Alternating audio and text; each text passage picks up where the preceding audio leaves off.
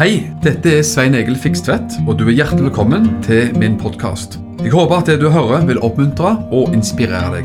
Ønsker du mer informasjon om arbeidet i drivet, så kan du gå til mission-alliance.org.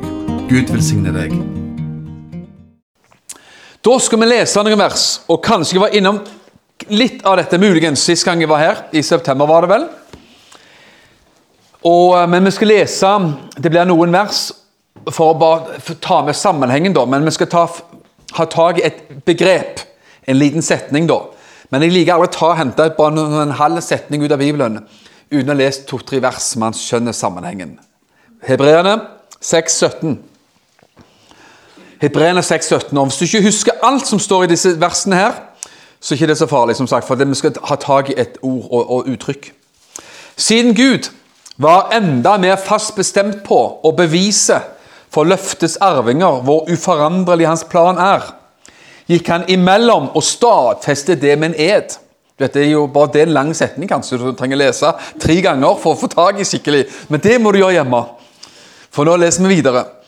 For at vi ved to uforanderlige ting som bekrefter at det er umulig for Gud å lyve, ja, kunne ha en sterk trøst.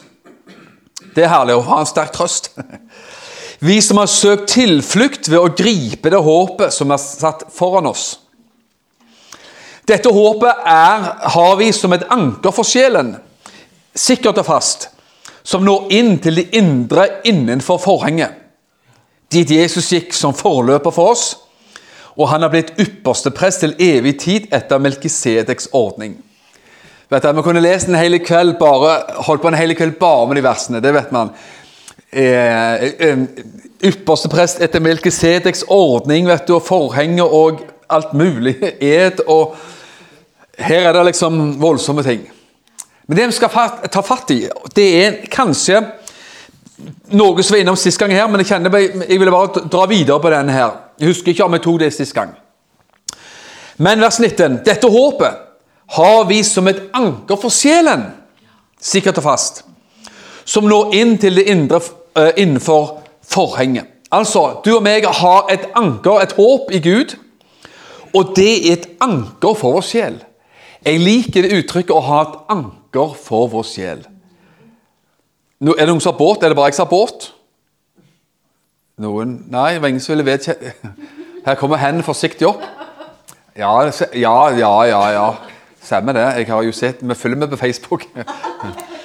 Så her kommer, her kommer bekjennelsene fram, vet du. Jeg òg har båt, og det er gøy med båt. Altså, er man blitt glad i sjøen og sjøluft og måkeskrik, så, så blir vi aldri helbredet fra det, altså. Men det er godt at en båt har et anker eller en dregg. Når du drar av gårde for å legge inn til et sted, så binder du gjerne båten, baugen til land, og så har du et anker eller et dregg bak for å holde båten på plass. Eller at du ankrer opp ute på sjøen på en pent sted, og så hiver du ut dreggen, og så fester den seg i bånn, og så drifter du og driver ingen vei. Verken med vind eller bølger, fordi at du har festa båten et sted. Og Det gjør at vind og bølger og strømninger ikke rokker båten noen plass hvis man har gjort det skikkelig. Det er et håp i Kristus som et anker for vår sjel. Sjelen vår, sinnet, tankene, følelsene og alt det der kan drifte av gårde som en båt. Hvis ikke sjelen har en forankring, har fått et anker. Og man har festa det anker og den dreggen et sted. Og Her står det at det håpet er et anker som er festa faktisk innenfor forhenget. Så Det er som at vår sjel har et anker i et håp i Kristus. Og den dreggen har du og meg forslengt så langt inn i helligdommen at det når inn innenfor forhenget. Og ha. Jeg ser det bare for meg i min enkle fantasi at den drekken den har festa seg fast ved alteret i det aller helligste. Rundt kanskje et bein på alteret. Liksom, bare bung, der, henger, der sitter drekken fast og rokkes ikke. Og hvis vi har festa vår sjel og festa håp i vårt liv til noe større enn oss sjøl, festa sjelens anker til det aller helligste, så har man gjort en veldig, veldig godt valg i livet. Og Jeg har kalt budskap her i dag for et solid anker for vår sjel. At vår sjel er forankra og er liksom, har en dregg og har et anker som er festa i noe. Og Vi skal snakke om noen sånne ting her i dag. Som jeg ofte sier når jeg preker, faktisk. For jeg, liksom, jeg liker å følge med. Jeg må innrømme det. Og når jeg av og til også preker liksom, budskap som har med Israel og jødefolk å gjøre, og sånne ting, så er det jo sånn at jeg har blitt litt sånn opptatt av å følge med på Midtøsten-nyheter, blant. Nyheter fra Israel osv. Og, så og, og det syns jeg er interessant å, å, um, å følge med litt sånn. Men hvis man følger med, og det er ikke så dumt som for en kristen å følge med på hva som skjer rundt om i, i verden, så skjønner man jo det at det er mange mørke skyer i horisonten. Flere mørke skyer i horisonten nå enn for 10-15-20 år siden. Kina for eksempel, blir mer og mer en farlig og skrekkelig eh, stormakt. Som er trakasserende på sine naboer, som ikke gjerne hører så mye om i Norge. For i Norge hører man om hva hører man om i Norge da? Vindmøller og litt forskjellig? kanskje. Og fisk og olje. Men, men, eh, men, Kina er en farlig stormakt som mange skjelver for. Taiwan skjelver. Filippinene mange, mange, land skjelver for Kina. Også her i Vesten har man våknet opp og skjønner hvor farlig Kina har blitt. Nå skal vi ikke snakke mye politikk. Russland, Hva med Russland? Er sterkt. Russland er ikke akkurat en fordel for oss. Og det er heller ikke demokratisk Russland. Med, akkurat nå du, er det klimatoppmøte i uh, Skottland. Skal ikke si mye om det. Uh, I Vesten, i vår del av verden Vi snakker like gjerne snakker om Kina og Russland og disse farlige, store, store supermaktene. Men hva med vår del av verden? Europa og USA. Hva skjer der? Der skjer det liberalisering. Kjønns, eh, mangel på kjønnsforståelse. Mangel på forstand på hva et ekteskap er, og hva det ikke er. Og på den måten og på mange andre områder så blir også Vesten svakere og svakere. Man har kasta egentlig sin tro, sin kristne tro, sin kristne arv, sin kristne forankring over bord. Og bytte det ut med alskens nyhetenskap, faktisk talt. Og så har vi jo, som jeg sier, jeg liker å følge med på ofte på nyheter fra Midtøsten. Og spenningen som er mellom Iran og Israel, kjenner vi godt til. Iran har jo sagt de har, de har klokka, de har sånn nedtellingsklokke i, eh, i, hovedstaden Iran, der man teller ned. For innen x antall år så skal Israel være utsletta. Så skjønner du hva det faktisk Tenk å utslette et helt land. Hvis noen begynte å snakke om at Norge skal utslettes. Hvordan ville vi følt det? Bare tenk, Sett oss inn i hvordan det kan føles å vite at man har titusener av raketter retta mot et lite land, på størrelse med et norsk fylke. Og så klarer man ikke, klarer ikke til med kristne biskopene i Den norske kirke å være tydelig som støtte til Israel. Det er ny antisemittisme av verste sort. Hør her. Og kanskje hjemlige forhold. Når vi snakker om krevende forhold, når vi snakker om hvordan livet av det kan være for mange mennesker Kanskje oss også. Arbeid. Kanskje noen har utfordringer i arbeidslivet. Kanskje i helsa si. Kanskje i familieforhold. Kanskje i ekteskap. Kanskje med barna sine. Kanskje med barnebarna sine. Man kan oppleve massevis av utfordringer i livet. Og hvis jeg spurte, det skal vi ikke gjøre skal i hvert fall ikke få noen håndsopprekning. Hvis jeg spurte hvor mange kjenner at du har utfordringer og byrder i livet ditt, som handler om eh, din nære familie, så ville sikkert mange rekt opp hånda si. Hvis du tenker på barn, svigerbarn kanskje, barnebarn osv., så, videre, så vil du kjenne at det er nok å be om. Det er nok å, å bære byrder for. Å bære bønnebyrder innenfor Gud, det er viktig. Å bære bekymringsbyrder som ødelegger livet vårt, det er ikke bra. Det er stor forskjell på det. Og som en parentes har jeg lyst til å si, Det var en predikant som sa det eh, som et bra uttrykk. Han sa det er forskjell på å bære byrder i sjelen og bære byrder i ånden. Du er kalt å bære byrder for Gud i vår ånd. Vi bærer det på en annen måte enn vi bærer trykkende og drepende byrder i vår sjel, som tar bort freden, som tar bort gleden. Men vi bærer det på en annen måte. Vi bærer byrdene ikke her, vi bærer det her. I tro og i tillit og i bønn til Gud. Skal du høre hva som egentlig er en slags situasjonsbeskrivelse av Når vi snakket litt om ikke bare som jeg sa, Iran og Russland og Kina, men hva som er situasjonen i vår del av verden, Europa og Amerika f.eks., i den vestlige verden som man gjerne snakker om. Og Da er det en beskrivelse faktisk fra Jeremias kapittel 2, vers 11-19. Nå skal vi lese ikke alle versene, men skal hoppe litt for tiden sin del. Men Jeremia 2, 11, så er det jo dette et ord fra Jeremia, fra Gud, gjennom, eh, via Jeremia, som var da til Israels folk i en veldig, veldig vanskelig situasjon i Israel. Det var midt i den eh, nedadgående krisen som Israel var i, rett før de ble tatt som fange av Nebukadnesar og ført til Babylon. Så det var en vanskelig tid. Og Da er det Jeremia som har et følgende ord fra Herren. Jeremia 2,11. Har vel et folkeslag byttet bort sine guder, selv om de ikke er guder? Det spør Jeremia om. Spør deg sjøl nå. Har du noen gang sett at eh, mennesker i det store hele i andre land bytter bort sine guder? Vanligvis gjør man ikke det. Selv om det er dårlige guder og dårlig, dårlig hedenskap. Men så sier Gud til sitt folk Israel Men mitt folk har byttet bort sin herlighet med en som ikke kan hjelpe. De hadde bytta bort Gud med dårlige alternativer. Det er noe av tilstanden i vår del av verden. Man har bytta bort noe. Man har gjort et dårlig bytte.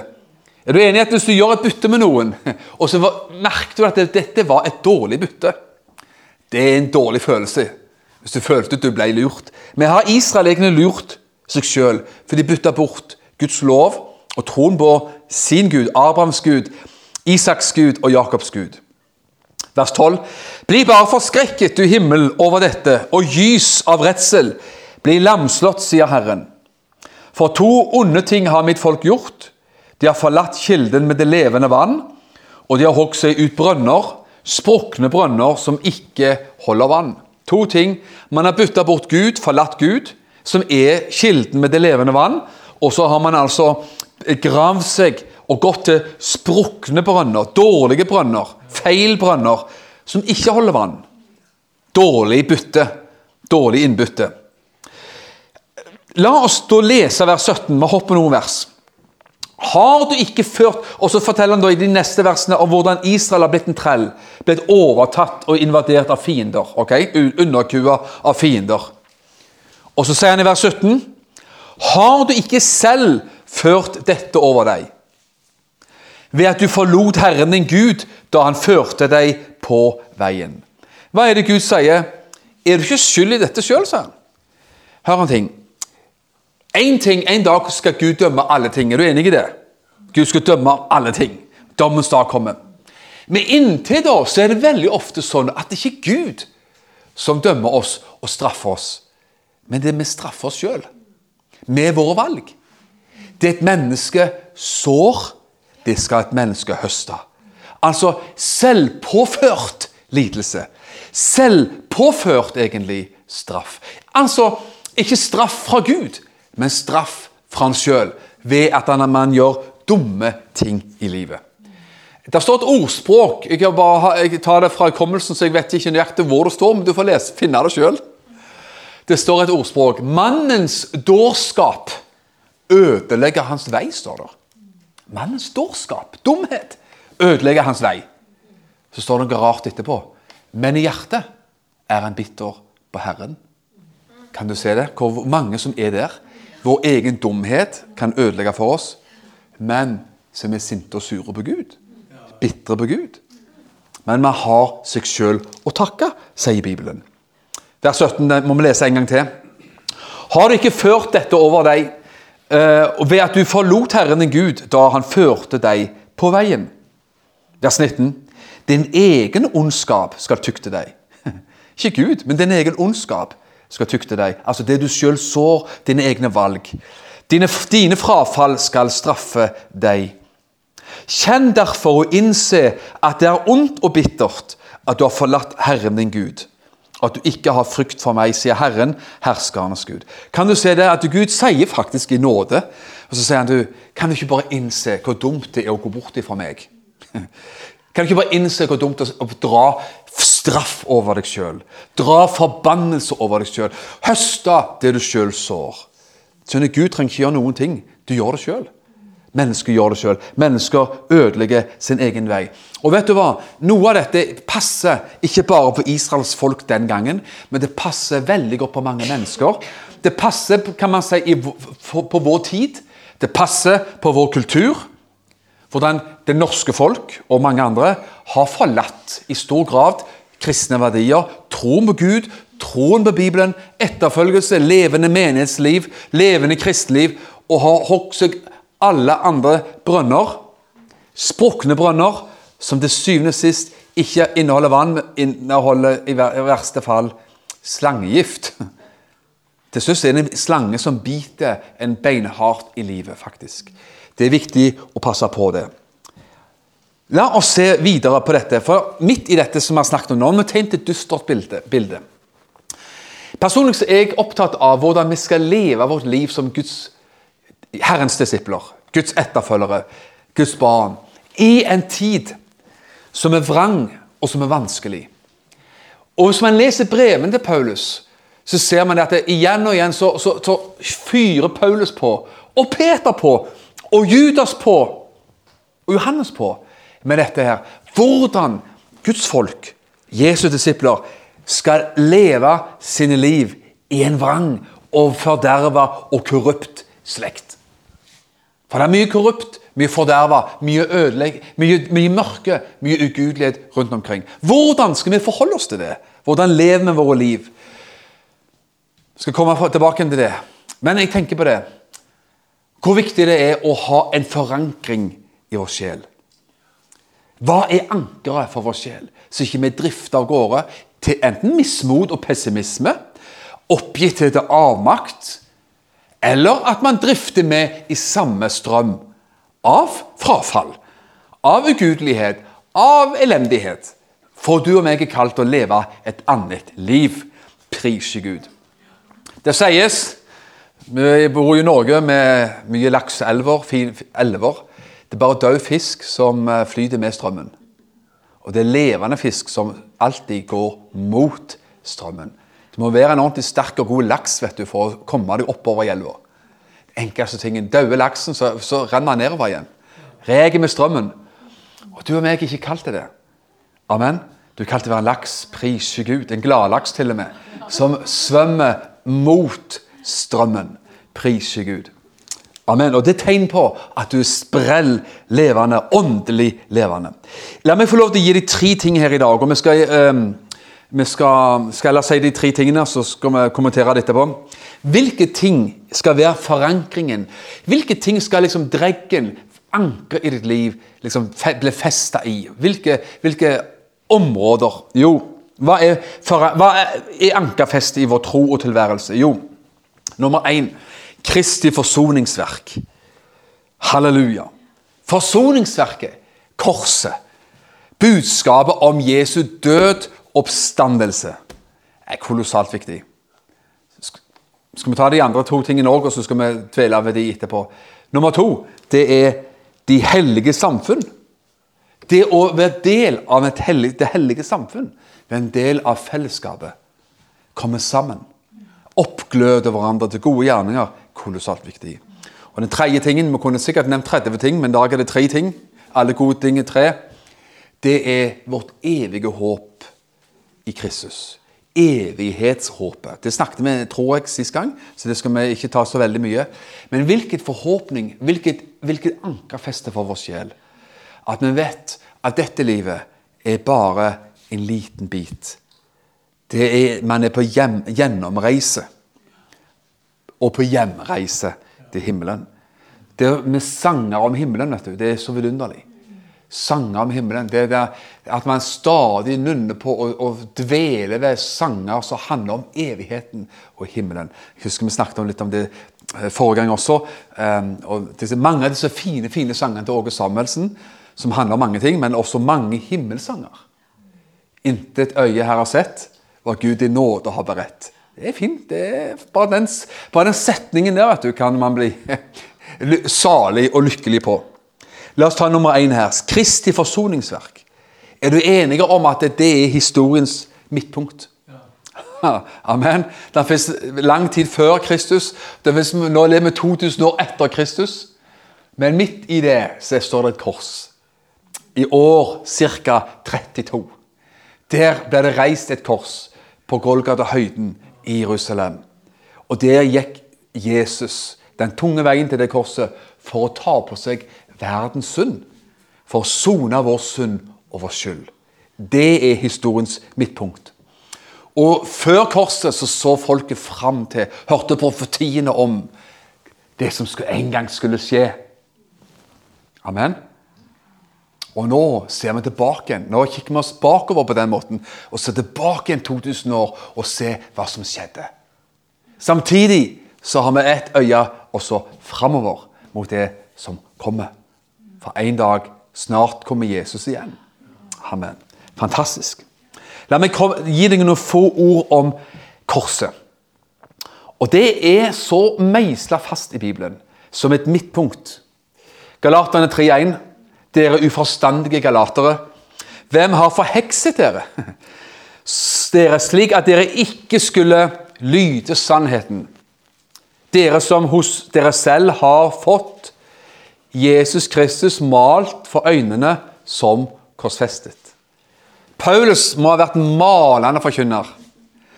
Levende malte opp forsoningen. Malte fram korset. Malte fram ham som døde på korset. Tok verdens synd, tok straffen, tok skammen, tok forbannelsen. Brøt Satans makt. Malte fram og malte opp dette. Han sier jeg har malt Kristus som korsfester. Det var det jeg holdt på med da han prekte evangeliet for galaterne. Et nydelig ord som vi bare elsker. Igjen Galaterne. Galaterne er jo sterkt skrift som handler om at Paulus tordner mot at galaterne skulle gå tilbake igjen til loven, eller deler av loven, om omskjærelse osv. At det, det at det Kristi verk ikke skulle være nok. For det er nok. Og Da sier han i Galaterne 6,14 må det være langt fra meg å rose meg av noe annet enn vår Herre Jesu Kristi kors.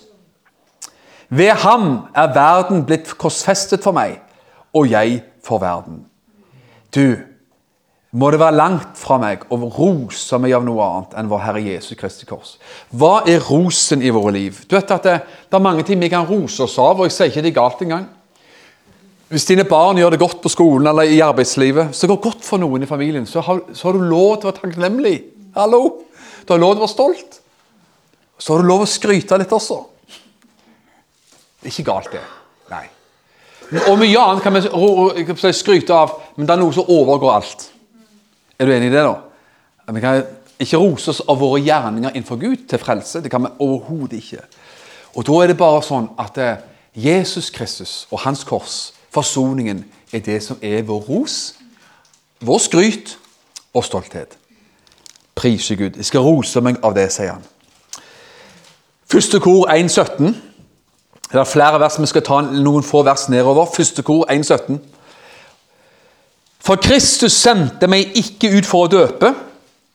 Det betyr at dåp er viktig, bare at det er viktig å bli frelst først. Amen. Men for å forkynne evangeliet, sa han. Jeg ble utsendt for å forkynne evangeliet. Ikke med visdomstale. For at ikke Kristi kors skulle tømmes for kraft. Det er kraft i Kristi kors. Det er kraft i forkynnelsen og realiteten i forsoningen. Og så sier han For ordet om korset er dårskap for dem som går fortapt. Det er dårskap. Mange syns det er toskaskap, idioti, tåpelig. Man ler av det, man spytter av det, man spytter på det kanskje. Både spytte og spotte. Men for oss som blir frelst, er det Guds kraft. Ordet om korset er for oss noen, For noen er det dårskap og dumskap, men for oss er det Guds kraft. Og så Vi hopper igjen litt nedover eh, noen vers. Vers 22. For jøder ber om tegn, og grekere søker visdom. Altså Forskjellige folkeslag vet du, søker forskjellige ting. Men vet du hva? Vårt svar er dette. Vi forkynner Kristus korsfestet. enten det er for jøder eller for hedninger eller for grekere. For vi forkynner Kristus korsfestet, for jøder et anstøt. For jøder et anstøt, og for grekere en dårskap. For noen er det anstøt, for noen er det dårskap, og for noen er det begge deler. Men det vi har å by på, det er ordet om korset. For, la meg fortelle deg en fantastisk historie om ei dame, jødiske dame, som jeg leste om bare for noen få uker siden. Som heter, skal jeg skal få navn også, Hun heter Anastasia Okrimenko. heter Hun Anastasia Okrimenko. Hun vokste opp i Israel og blant religiøse sionister, altså ortodokse jøder. Relativt ortodokse, i hvert fall. Og, og, på skolen så ba lærer, de, På skolen så fikk de ikke lov til å bruke Når de hadde matematikk, så fikk de ikke lov til å bruke plusstegnet. For det minner om korset. Og jødeforfølgelse og, og, alt det der. Så strengt og sårt, kan man sikkert kalle det. Sant? Så det var sterkt, for det minner om alle, alle sånne ting. Men vet du hva denne dama gjorde? Anastasia? Hun kom og leste det som man ofte kaller for den forbudte teksten. Det forbudte kapittelet i Bibelen. Og vet du hva det er? Jesajas 53. Priser Gud. Hun leste det som en ortodoks ung jøde, og det ble et vendepunkt i hennes liv. Og så skal jeg sitere hva hun har sagt. Ordrett. Første gang jeg leste altså Jesajas 53, første gang jeg leste det, skjedde det noe. Jeg kjente ham igjen. Jeg så ham alle spørsmålene mine ble besvart i samme sekund. Jeg skjønte at han forsto hvordan det er å være et menneske, og han åpnet en vei til Gud for oss, fordi vi ikke kunne få det til selv. Sitat slutt. Og hun ble frelst da. Møtte Jesus, kom til tro på Jesus og skjønte at denne mannen Det står om i Isaias 53 han tok våre sykdommer på seg. Våre smerter bar han. Vi, ram, han, vi aktet ham for rammet av Gud og plaget osv. Men over hans sår har vi fått legedom. Ja, Og så står det mye, mye mer. Det fantastiske kapitlet, det leste du, og så kom det tro på Jesus. Og så gikk det likevel tre år før hun vågte å bekjenne sin tro offentlig. Og det kan vi tenke ja, det var veldig svakt. Men det er ikke sikkert det er så veldig svakt. For det kan være godt å befeste sin tro. Bruke dreggen og ankeret og befeste sin tro. For motstand, det vil man oppleve. Hennes vitnesbyrd har blitt sett av millioner av mennesker. Og det finnes også henne, Du finner henne på YouTube og sånne ting. Eller, ja, YouTube, ja. Og eh, det som er artig, vet du, at hennes vitnesbyrd på hebraisk Hun har blitt en kvinnelig evangelist i Israel. Messiansk jøde. Og hennes vitnesbyrd har blitt sett av millioner av mennesker. Ordet om korset. Jesajas 53 er jo virkelig ordet om korset. Han tok syndene våre, han tok sykdommene våre, alt det der. Og ved hans sår vi fått legedom, og, og straffen lå på han for at vi skulle ha fred. Alt det der er jo helt fantastisk.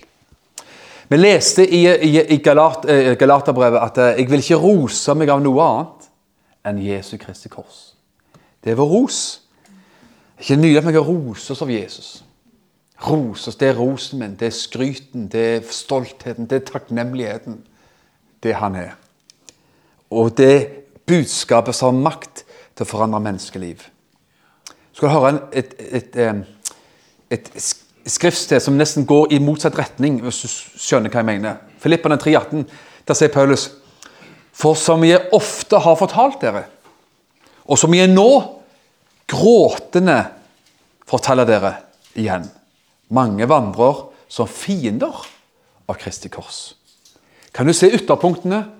Jeg vil ikke gjøre noe annet enn å rose meg av Kristi kors. Det var Paulus. Men så sier han om mange andre. Det er så mange som vandrer som fiender av Kristi kors. Og Paulus sa det ikke med lett hjerte, han sa det med tårer. Han sa det med tårer. Og Da er jo valget vårt også. Skal vi være sånne som er venner av Kristi kors og roses av Kristi kors, eller skal vi være sånne som er fiender av Kristi kors? Vi har valgt side. Vi er, vi er roses av Jesu Kristi kors. Vi skal gå videre og snakke litt også om denne forankringen. og Dette er den største forankringen. For uten det så har vi ingenting av de andre punktene. Hvis ikke vi har, om du vil, for å være med på mine enkle bilder her Du må slenge dreggen rundt korset. Du må forankre dreggen, ankeret i livet ditt, bl.a. rundt korsets fot. Og la det stå fast der. Når vind og bølger og omstendigheter vil prøve å dra din sjel andre veier. Amen. Nummer to, som jeg sa allerede hva det er, de hellige samfunn. Vi er skapt venner. Det har vi sagt innledningsvis også her. Vi er skapt for fellesskap med Gud og hverandre. Vi er skapt for å være sammen. Vi er skapt for å komme sammen med åndelige salmer og hymner og åndelige sanger og profetiske ord og tale fra Skriften og alle ting. De holdt seg trofast til apostelens lære, samfunnet, brødsbrytelsen og fellesskapet. Amen. De holdt seg trofast til disse fire benene som man ofte sa i før i tida. Bønnene, broderfellesskapet, brødsbrytelsen og Hva var det vi glemte nå? Bibelen. ja. Bibelen, Der har du det. Amen. Fire b-er, vet du. Prise Gud. Det er viktig.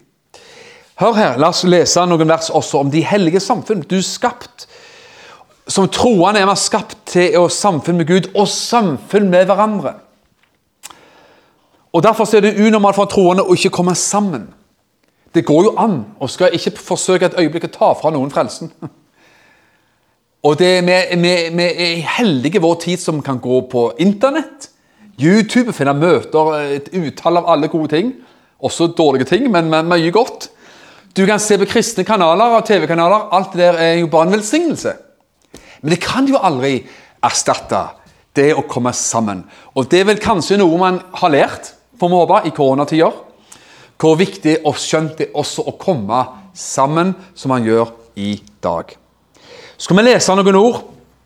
Det blir noen vers, sånn at vi får hele sammenhengen. Apostelens gjerninger 4,18 og noen vers.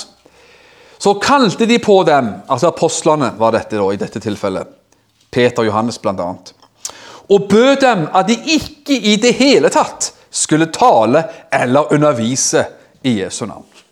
Forbud.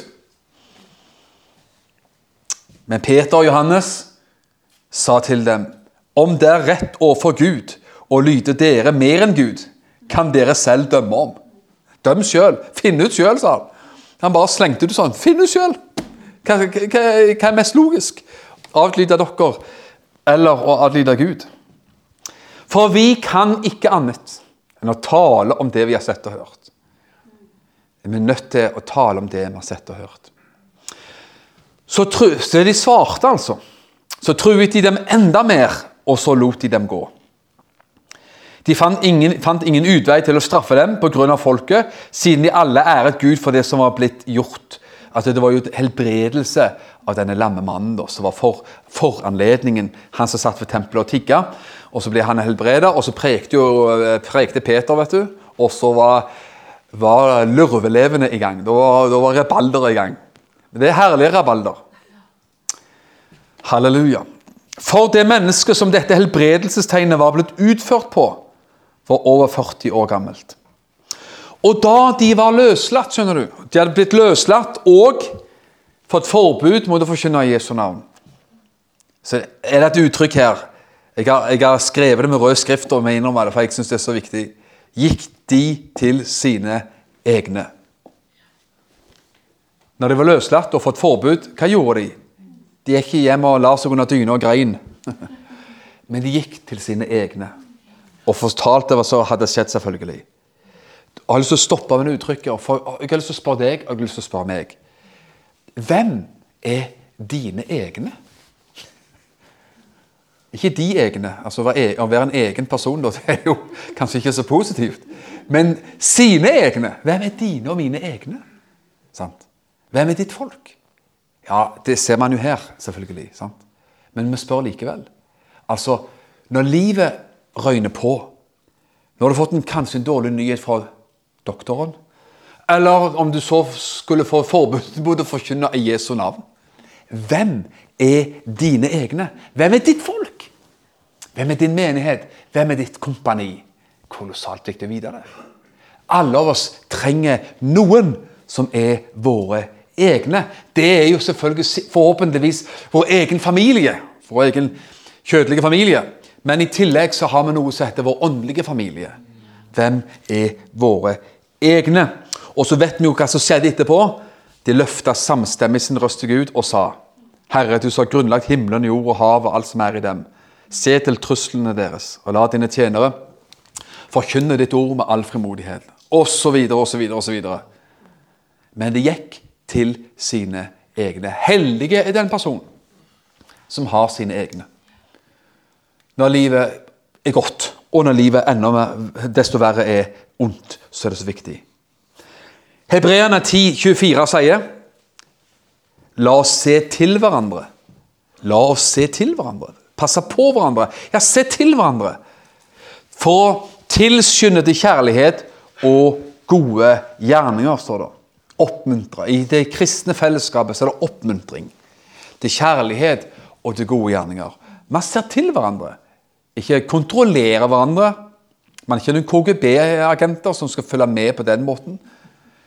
Nei, man ser til hverandre i kjærlighet, i omsorg, i oppmuntring. Priser Gud. Og la oss ikke svikte vår egen forsamling, slik noen pleier å gjøre, men la oss formane hverandre. Og det er så mye mer som dere ser at dagen nærmer seg. Dagen nærmer seg. Og det tar oss med rett til neste punkt, egentlig. Nettopp at det er òg en, en, plass du må forankre dreggen, vet du. Ankeret er vårt evige håp. Amen. Evighetsperspektivet. Vårt, det som kalles i Bibelen for vårt salige håp. Og Det skal vi ikke snakke så mye om, for det hadde vi en god del om sist gang. her, så. Men vi tar det bitte litt.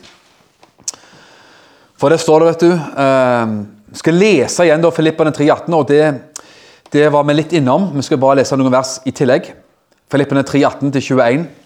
For jeg som ofte har fortalt dere, og som jeg nå gråtende forteller dere igjen, mange vandrer som fiender av Kristi kors. Deres mål er fortapelse, deres Gud er buken, og dette setter sin ære i sin skam. Det er jo det som er problemet. Det som egentlig Bibelen kaller en skam, har for mange blitt en ære. Man har snudd det helt på hodet. For det er noe som i Bibelen er definert som en skam, og noe som er definert som en ære. Og i verden nå så snur man helt det opp ned. Ja. De setter sin ære i sin skam. Og de tenker bare på de ting som hører jordelivet til. Vi lever på jord, og vi går gjennom denne verden, og vi er kalt å vinne mennesker og følge Jesus og gjøre mange gode ting. Amen. Men så kommer det noe helt fantastisk. Altså dette jordelivet, Det står om dette jordelivet, og så kommer det, vers 20. Men vårt borgerskap er i himmelen. en annen oversettelse sier vårt hjemland er i himmelen. Oh. Skjønner at Du har ikke bare et norsk statsborgerskap, du har et himmelsk statsborgerskap. Himmelsk pass. Det norske passet er rødt. Kanskje det himmelske òg er rødt? Blodrødt? Det kan jo hende, så det passer i så fall godt. Men vet du hva? Vårt hjemland skjønner du, det er ikke bare her i Norge, det er i himmelen, priser Gud. Og Derfra venter vi også på stadig på Frelseren, Herren Jesus Kristus. Og så, noe, så forteller han noe hva som kommer til å skje. Han skal forvandle vårt forgjengelighetslegeme. Det var et langt ord. Det er det vi har nå. Vi har forgjengelighetslegeme. Merker du det? Kanskje du gjør det. Håper du er frisk og rask, men eh, du merker sikkert at det er litt forgjengelighet der ute og går. En dag skjønner du, skal han forvandle vårt forgjengelighetslegeme, så det blir likedannet med hans herlighetslegeme. Halleluja. Jesus har et herlighetslegeme. Han har et oppstandelseslegeme i dag. Amen. Vi, som ikke vi har, men som han har, også naglemerkede hender. Han skal forvandle vårt forgjengelighetslegeme så det blir likedannet med hans herlighetslegeme. Det skal han gjøre med den kraft, ved den kraft som, gjør, som gjør ham i stand til å underordne seg alle ting under seg selv. Ser vi kanskje sa sist gang, jeg husker ikke. Men det forundrer meg egentlig, og tenker mer og mer på det også. dette med evigheten. Dette med evighetshåpet, hva det betyr, hva det er. Og hvor mye Bibelen snakker om det.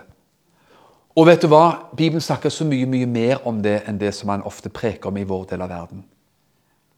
Og Vi trenger å preke om det, for det gjør noe med oss. Det gjør noe med eh, perspektivet vårt, hvordan, hvor, hvordan man lever, hvorfor man lever. Og så gir det oss veldig godt mot å vite det at eh, en dag vet du, så er vi hjemme i himmelen. En dag det gir oss godt mot når livet også er røyne på og vanskelig. Så det er det evighetshåpet kolossalt viktig å ha med oss. Mot slutten her så har jeg lyst til å bare spørre oss hva gjør dette ankerfestet for oss? Vi fester vårt anker, fester dreggen, skjønner du, i Golgata-verket.